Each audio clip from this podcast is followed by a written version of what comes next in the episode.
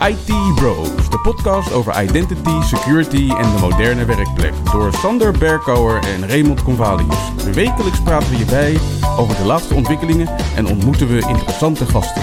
Volg onze podcast op Spotify of iTunes en stel je vragen op Twitter, ITBrosNL. Ik ben Raymond Convalius. En mijn naam is Sander Berkouwer. Welkom bij aflevering 4 van seizoen 3 van de IT Bros podcast. De podcast twee jaar na de eerste. Inderdaad. Het gaat nu hard, hè? het tikt nu aan. maar ook deze aflevering kun je genieten van het meest recente nieuws, aankomende evenementen en uiteraard weer een productiviteitstip van Ray.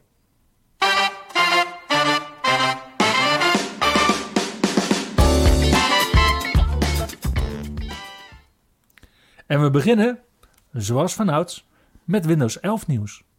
Ja, want uh, de developer builds blijven maar komen. En er blijft ook nieuws komen uit bestaande developer builds.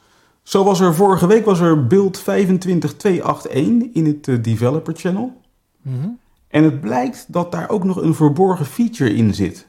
Weet je nog dat ik het een tijdje terug had over uh, de volume mixer die niet helemaal ideaal is en dat je daar een tooltje voor kan downloaden, Ear Trumpet. Ear Trumpet. Ja, dat was de productiviteitstip in aflevering 53 van seizoen 2. Nog geen vijf afleveringen geleden, vriend.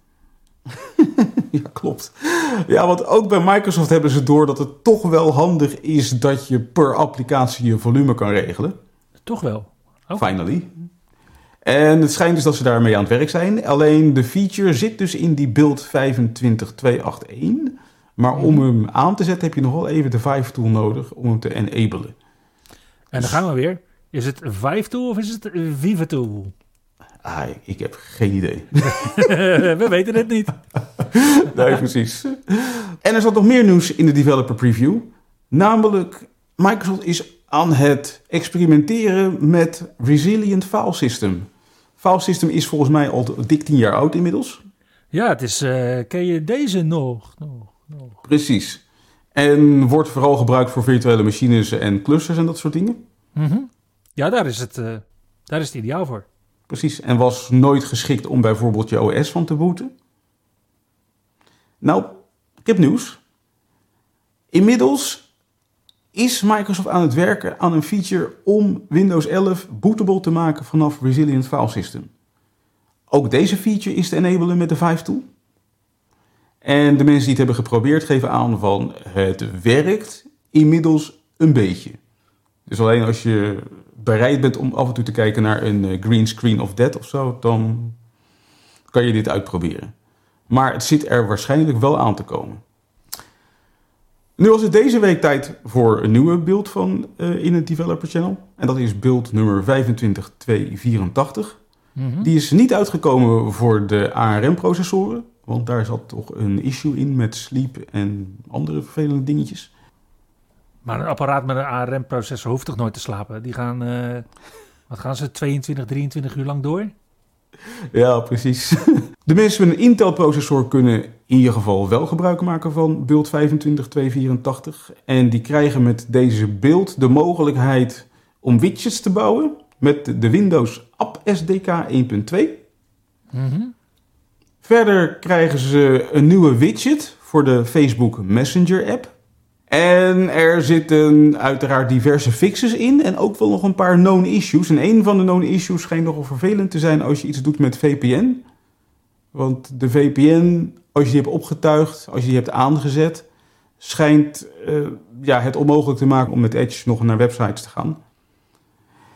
En er is inmiddels een workaround voor en daarvoor moet je middels Group Policy de optie Allow NetBIOS Name Resolution enablen en de optie Turn Off Multicast Name Resolution disablen. En dan schijnt het weer te gaan werken. Maar waarom zou je dat, waarom zou je dat doen? Wat is... het is mij ook niet helemaal duidelijk wat hier misgaat, maar goed. Wauw. maar weet je wat het erg is? Wat je dus Nou. krijgt is dat als deze bug dus niet gefixt is en het blijft een known issue met bijvoorbeeld de Moment 3 update dadelijk als die uitkomt, Mhm. of met Windows 12 als dit daarin zit, Mhm. dan krijg je dus allemaal beheerders die deze workaround vinden, die dit op hun netwerk gaan proberen. Ja, er zijn Mhm. mensen die kunnen niet browsen als op de VPN zitten. Oh, ik heb hier een oplossing voor die beeld 25284. Laten we dat doen. Laten we onze netwerkconfiguratie even terugzetten naar 1984. Inderdaad. En het daarna natuurlijk vergeten, zodat ze over vijf jaar gewoon nog steeds hier hinder van hebben. Ja. Nou ja, Wauw. daar kan het wel zomaar op uit gaan draaien. Maar goed. En deze build 25284 die is ook beschikbaar gekomen als Windows Server LTSC vNext. Hmm. Die te downloaden is als ISO en als VHDX om mee te gaan testen. Van de Windows Server versie 25284 is geen changelog beschikbaar en is ook eigenlijk door Microsoft niet bekendgemaakt wat er aan nieuwe features in zit. Nee, Microsoft houdt de kaarten dicht bij de borst eh, met betrekking tot Windows Server vNext. Inderdaad. Nou, voor Windows 11 kwam daarnaast ook nog op 26 januari build 22.6.21.12.45 en build 22.6.23.12.45 uit in het beta channel. En in het beta channel hebben ze als nieuwe feature de screen recording optie voor de snipping tool. Nou, dit kon al sinds een paar versies in het developer channel Mhm. en dus nu ook in het beta channel. Verder zijn er nog diverse fixes in het beta channel, maar geen nieuws. Oké. Verder is er wel nieuws wat betreft Edge. Van Edge komt versie 110 eraan. Die zit op dit moment nog in het Canary Channel, een soort van insider preview voor Edge. Mhm. En daarin gaat Microsoft een nieuwe feature beschikbaar stellen, namelijk de Edge Split Screen. Betekent dat je binnen je window meerdere websites naast elkaar kan hebben. Althans, twee websites. Split screen. Een dergelijke optie kenden we al van de Vivaldi browser, voor de mensen die dat gebruikten. En eh, ja, ik vraag me af waar je het voor zou willen gebruiken. Ik, ik zet zelf gewoon twee vensters naast elkaar als ik twee websites naast elkaar wil zien. Maar goed, blijkbaar is hier behoefte aan. En eh, als je het wil proberen, dan moet je dus de Edge Canary build installeren. En dan moet je de optie Microsoft Split Screen enablen in de browser. Ik kan me voorstellen dat het best handig kan zijn voor mensen die GitHub gebruiken. Bijvoorbeeld ontwikkelaars, maar ik ken ook heel veel mensen die pull requests doen op GitHub die geen ontwikkelaars zijn. Zijn er trouwens eh 100 miljoen nu op Hm. GitHub. 100 miljoen accounts sinds deze week. En dan is het handig om tegelijkertijd door twee vensters heen te scrollen. Dus ik zie wel mogelijkheden. Oké. Overigens vraag ik me wel af of Microsoft ermee weg gaat komen met versie 110, omdat daar natuurlijk 11 in staat in de user agent. Daar hadden we het drie weken geleden over met Firefox 110, dat ze 109 in de user agent string gaan aanhouden. Die ga ik, eh, die ga ik even eh, op de voet volgen. Ik ben ook heel benieuwd wat dat eh, gaat opleveren. Nou, nu is Microsoft ook nog wel bezig met een, eh, ja, wat ik toch wel een beetje interessant experiment vind. Microsoft wil namelijk meten hoeveel mensen er nog gebruik maken van Office 2007, 2010 en 2013. Mhm. Dit zijn versies van Office die niet meer worden ondersteund sinds 2017 voor Office 2007. Die niet meer worden ondersteund sinds 2020 voor Office 2010. En die vanaf aankomende april niet meer worden ondersteund voor Office 2013. En nu wil Microsoft gaan meten hoeveel van die versies er nog actief zijn bij eindgebruikers. En dat doen ze door een update te distribueren die niks doet. Ik vind het vanuit een aantal oogpunten vind ik dit eng. Ja, Want jij zegt hij doet niks. Ja, hij installeert niks. nee. Maar Microsoft geeft wel aan, ja, hij gaat gegevens terugsturen naar Microsoft. Ja, En Microsoft, dat is punt 1, geeft dus niet aan welke gegevens worden gestuurd. ja. Dus ik kan me voorstellen dat als je Office hebt en je hebt die helemaal vroeger ooit een keer geactiveerd met een sleutel die nergens meer om vraagt. Dat Microsoft een hele berg installaties uit het oog is verloren. Mhm. En nu dan inderdaad met zo'n update ook uit de installatietelemetrie mogelijk dingen zou kunnen halen. Ja. Maar dat niet doet, want ook dat is natuurlijk met Windows Update. Download je hem één keer en is het klaar. Ja. Dus vandaar dat ze deze kant op zijn gegaan. Dit tweede aspect vind ik nog enger. Want in Nederland krijgen mannen van onze leeftijd Mhm. oproepen voor darmonderzoek. Mhm. Ja. En dat is goed, maar je moet dan wel weten wat je gaat doen met die uitslag vooraf. En als je niet bereid bent om de consequenties te dragen, dan kun je je afvragen of je wel mee moet doen met zo'n onderzoek. Ja. Of dat je beter niet vermoedend je leven kan leiden.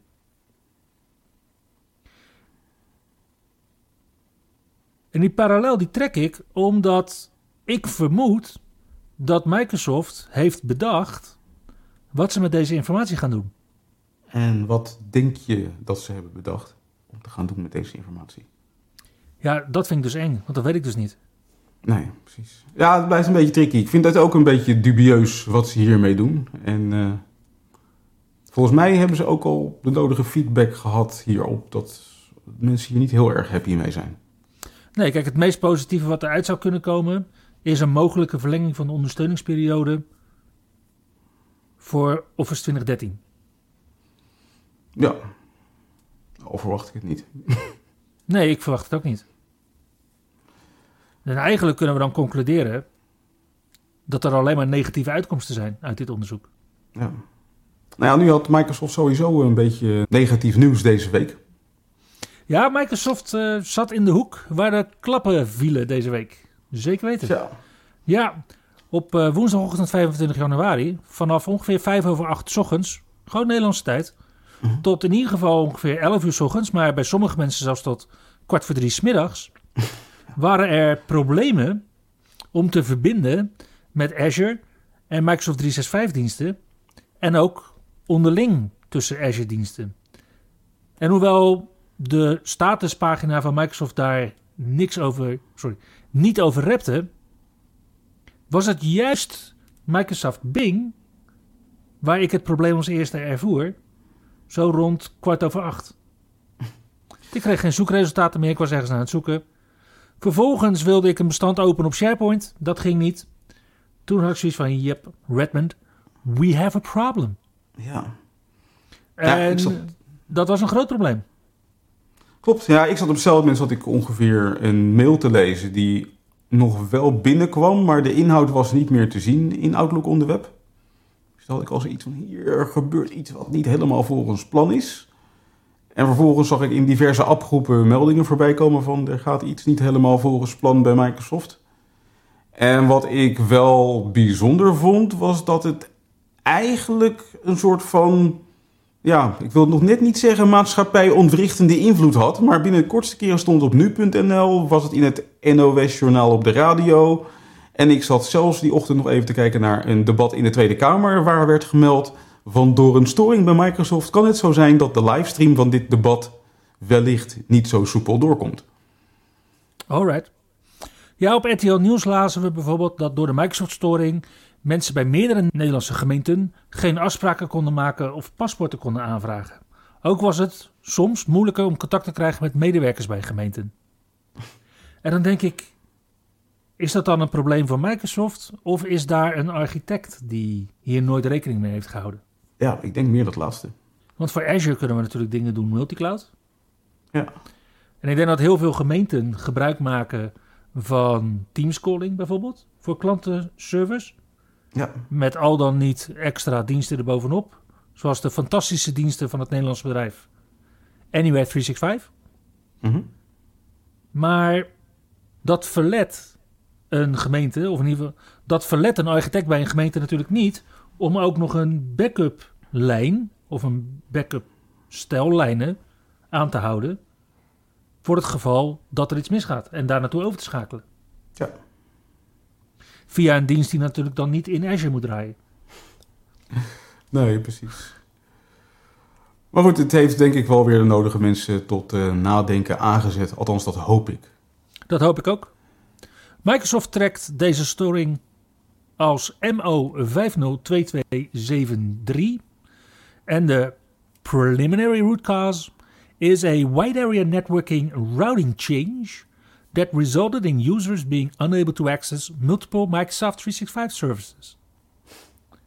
Microsoft poogt om uiterlijk op 30 januari met wat meer uitleg te komen van de oorzaak dan eh, deze regel. Ik heb nog steeds al mijn geld gezet op DNS. Het zal niet zo zijn. Ik ben benieuwd. Nou, ondertussen uh, deed Microsoft ook nog leuke dingen in uh, Microsoft 365. In de zin van dat ze de afhandeling van Exchange Online licenties hebben vereenvoudigd. Hè, hè? Ja, dat dacht ik ook. Want dit zit ook al in Teams en in SharePoint. Precies, ja. Ik zit in een omgeving waar uh, we gebruik maken van E1 en E5 licenties. Waarbij je dus tegen de vervelende eigenschap oploopt dat wanneer een account over beide licenties beschikt, dat hij geen van beide licenties krijgt en vervolgens een licentieconflict aangeeft. Hé, hey, maar maatje. Ja? jij gebruikt toch zeker wel Dynamic Group Memberships uh, voor je licentietoewijzing? Ja, maar ook daar kan je lid zijn van meerdere groepen. Maar je kan in de licentietoewijzing kan je een extra uh, aanpassing maken. Dat als er een bepaalde SKU in zit, dat je dan niet tot de andere SKU kan behoren. Je kan de SKU, dus zo'n E1-licentie, kan je mm -hmm. opnemen in je Dynamic Query, voor je Dynamic Group. Dat hebben ze bij ons niet gedaan. Nee, dat dacht ik al. Dat is ook de grote truc, omdat in, ja, hier in Nederland, als je een Azure die Premium P2-licentie koopt, dan zit daar al een P1-licentie in. Ja. Dus wij hebben daar toen voor een klant die zowel P1 als P2 had, hebben we dat de eerste keer hebben we dat gepioneerd om ervoor te zorgen dat die P1-licentie dan werd teruggetrokken automatisch. Goeie, gaan we nog eens een keer naar kijken, denk ik. Ja. In ieder geval, het is nu zo dat als je een medewerker of, of een account beide licenties geeft, mm -hmm. dan krijgt hij gewoon de mogelijkheid van de licentie met de meeste features. Ja, dat is een goede verandering. Precies. En geen licentieconflict meer. Nee, en dubbele inkomsten van Microsoft. Precies. En Microsoft heeft dit gedaan omdat ze nogal wat uh, ja, support calls krijgen vanwege dit soort licentieconflicten. Ja. Weet je wat ook een heel groot scenario is waarin je nog wel eens tegen dubbele licentiekosten wil aanlopen? No. B2B collaboration. we, ik, we hebben het er eerder over gehad, hè. In Azure AD is dat helemaal afgevangen. Dan heb je gewoon die 50.000 monthly active users. Mm -hmm. Daar kan je gewoon premium features aan hangen. En boven die 50.000 maandelijks actieve gebruikers betaal je dan licenties. Ja. En die zijn dan uh, een fractie per Mhm. medewerker. Dat hebben ze is best een mooi model. Alleen dat model, dat schaalt niet verder dan Azure AD. Dus wat je ziet in SharePoint Online en Exchange Online, is dat nog steeds die oude 1 op 5 grens telt. Ja. Dus voor elke medewerker die een Exchange licentie heeft, mag jij maximaal 5 gasten ook Exchange functionaliteit geven. Nou, waarom dit verhaal? Sorry beste luisteraar. Maar Azure AD kent nu cross-tenant synchronization als public preview feature. En nu wordt het ineens interessant, want deze feature was al een tijdje beschikbaar als private preview, nu als public preview. En het biedt de mogelijkheid om een subset van gebruikersaccounts op basis van nou, dynamic queries, dus denk dynamische groepen, automatisch te synchroniseren met een andere tenant. Mhm. En het is gebaseerd op de Azure Connect Cloud Sync architectuur. En beide tenants moeten elkaar hiervoor vertrouwen. En het is een sync. Het mooie, maar het mooie van deze vorm van, noem het maar B2B. Het is geen B2B. Specifiek geen B2B. Want bij B2B zit je altijd te harnessen met die uitnodigingen. Ja. En dat heb je dus niet meer met cross-tenant synchronization. Want je kan die consent prompts gewoon uitzetten. Ja. Je hoeft niet meer uit te nodigen, je hoeft niet meer te accepteren. Direct Connect ook niet, maar Direct Connect ging alleen maar over Teams shared channels. Mhm. Ja, en in Teams hebben we nog die eh, exploratory licenses en dat soort dingen. Weet je, dat, is, eh, dat kan iedereen. Maar dit is nu wel echt iets geavanceerds.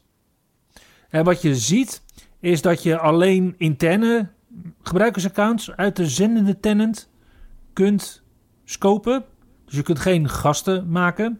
En aan de ontvangende kant, in de ontvangende tenant, worden die mensen dan standaard als gast geconfigureerd. Oké. Dus daar krijg je dan ja, keurig netjes gewoon gasten geprovisioned. Helemaal goud. En als je een beheerder in de zendende tenant vervolgens de scope verandert en mensen vallen eruit, dan verdwijnen ze ook automatisch in de ontvangende tenant. En de mogelijkheid bestaat, tenminste als jouw beheerder dat dan aanvinkt, om ook jezelf uit de ontvangende tenant te verwijderen. Maar ja, val jij dan nog steeds in scope, word je gewoon weer terug gesynchroniseerd. dus, eh, wel, ja, is wel even iets om bij stil te staan. Maar cross-tenant synchronization is denk ik wel een hele goede mogelijkheid om echt samen te werken als bedrijven zijnde. Tja, dit biedt wel mogelijkheden. Ja, kijk, als je, dus, als je het scenario pakt van bijvoorbeeld een, een holdingorganisatie met een aantal organisaties eronder die een gezamenlijk intranet of een gezamenlijk Power BI dashboard of zoiets wil publiceren naar alle organisaties, dan kan dat. Mits je inderdaad in die holdingorganisatie die 1 op 5 grens in de gaten houdt. Ja. En anders ga je dus dubbel moeten licenseren. Hele coole feature. Ja, en dan vragen mensen zich natuurlijk ook af. En wat gaat Microsoft dan met al dat geld doen van die dubbele licenties? Nou, heel simpel. Dat gaat allemaal. Nee, grapje, niet allemaal. Maar wel 10 miljard dollar gaat in OpenAI. Ja. Ja, Microsoft heeft een eh, goudmijn gevonden in de vorm van ChatGPT.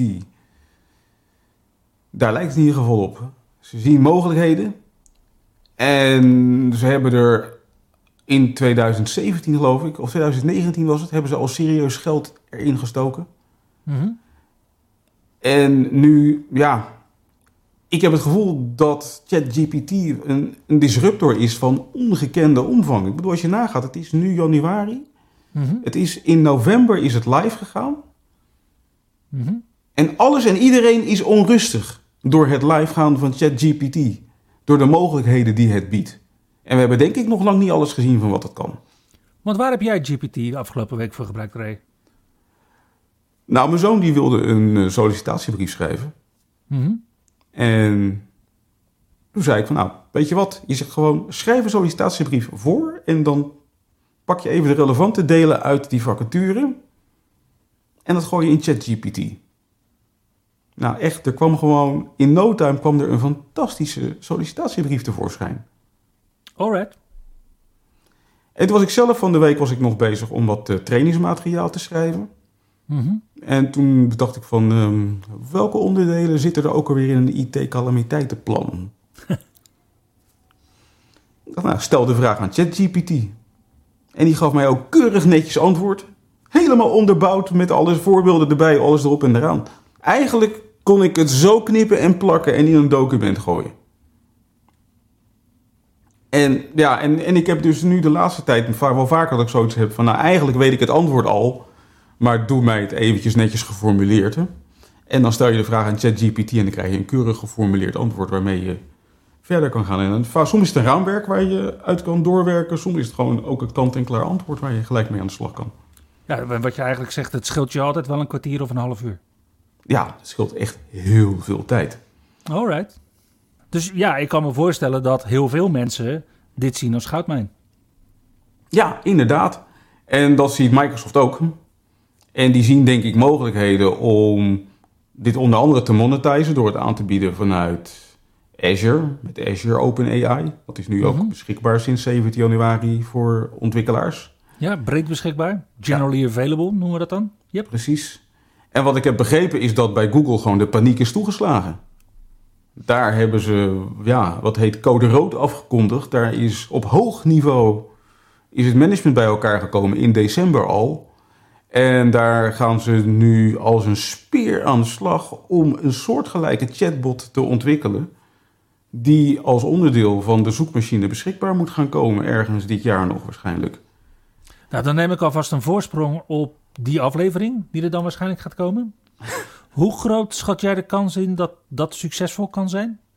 Durf ik weinig van te zeggen, maar ik kan me zo voorstellen dat deze concurrentieslag nog maar net begonnen is en dat we wellicht ja, een soort van haasje over gaan zien de komende tijd tussen Google en Microsoft. En misschien nog wel een andere grote partij die zich bezighoudt met dit soort AI-toepassingen.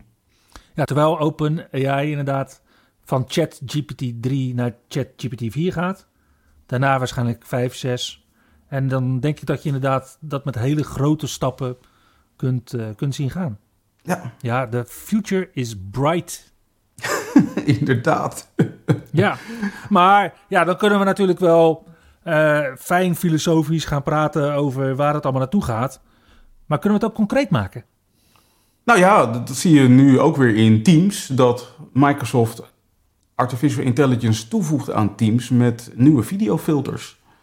En die videofilters, om die te krijgen, moeten gebruikers eerst akkoord gaan met de installatie van een custom filters app. Mhm.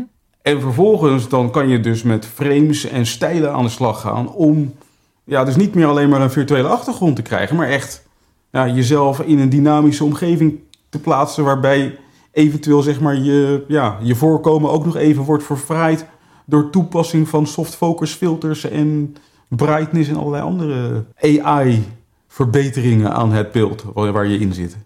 Ja, en gelukkig kun je bij Teams kun je altijd jezelf terugzien. Dus dat is goed voor je zelfverzekerdheid. Ja.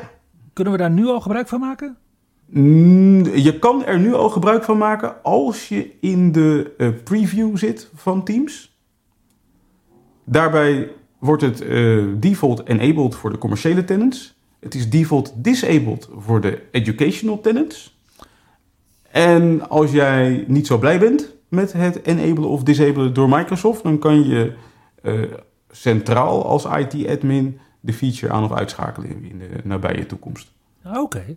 De officiële release wordt verwacht in februari, dus dat duurt niet zo heel lang meer. Nee, dat is al snel. Super. Heet op de hielen van de vorige versie van iOS en iPadOS zien we nu ook iOS 16.3 en iPadOS 16.3. En als echte identiteit- en toegangsbeheerder, ja, zo noem ik me eigenlijk wel. Azure AD aficionado is ook wel iets wat ik, eh, wat ik lekker vind klinken. Mhm. Gaat mijn hart hier sneller van kloppen. Want wat we nu namelijk zien, is in dat deze versies van iOS en iPadOS ondersteuning komt voor beveiligingssleutels voor Apple-accounts. Dat kun je doen op basis van Yubico YubiKeys.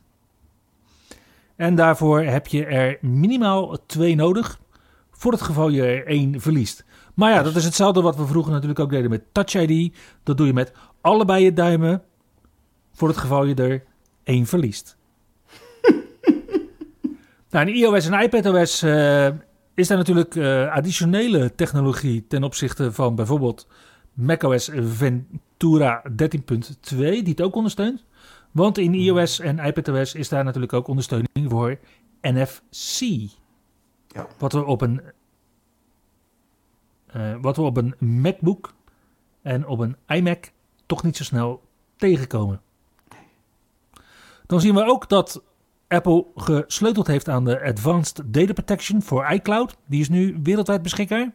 En dat betekent dat er nog meer eind-to-eind versleuteld wordt aan de gegevens in de Apple Cloud.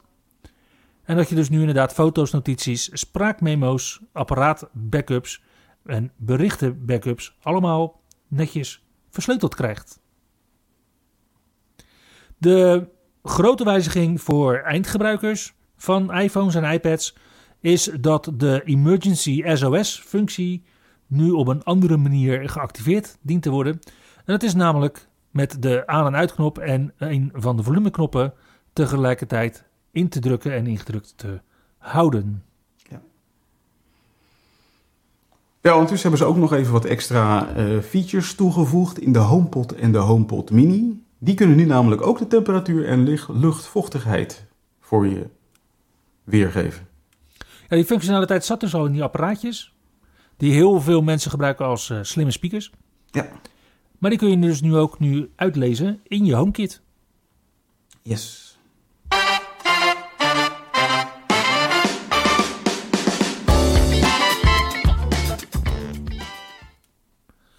Voor volgende week staan er twee virtuele evenementen en twee fysieke evenementen op de planning. Op maandag 30 januari kun je van 6 tot 7 uur s avonds aansluiten bij een Entra Permissions Management Ask Me Anything vanuit Microsoft. En tijdens dit virtuele uur kun je de Microsoft engineers achter de multicloud applicatiepermissies het hemd van het lijf vragen. Ja, virtueel dan. Op dinsdag 31 januari gaat Microsoft dan verder volgens mij de Windows Server Ask Me Anything. Daar kan je vervolgens dus alles vragen over Windows Server en wordt er gesproken door onder andere Vinicius Apollinario, Rob Barefoot, Julio Cruz, Thomas Maurer en Orwin Thomas. Ja, en ik weet wel wie het virtuele hemd van Thomas zijn lijf gaat vragen. Op woensdag 1 februari is het dan van half zeven tot half negen s'avonds aan de Maanweg in Den Haag tijd voor de allereerste Team Tech Arena Meetup. En het is de voormalige Team Pro test. En wat zij doen is, zij hebben een tweetal sessies met mede-MVP Henry Been afgesproken over Infrastructure as Code. Op donderdag 2 februari dan is het tijd voor Azure Thursday. Dit vindt plaats vanaf kwart voor zeven s'avonds tot 9 uur in Cloud Nation in Bunnik. En Carl in het veld zal daar spreken over Managing Your Azure Infrastructure with Terraform.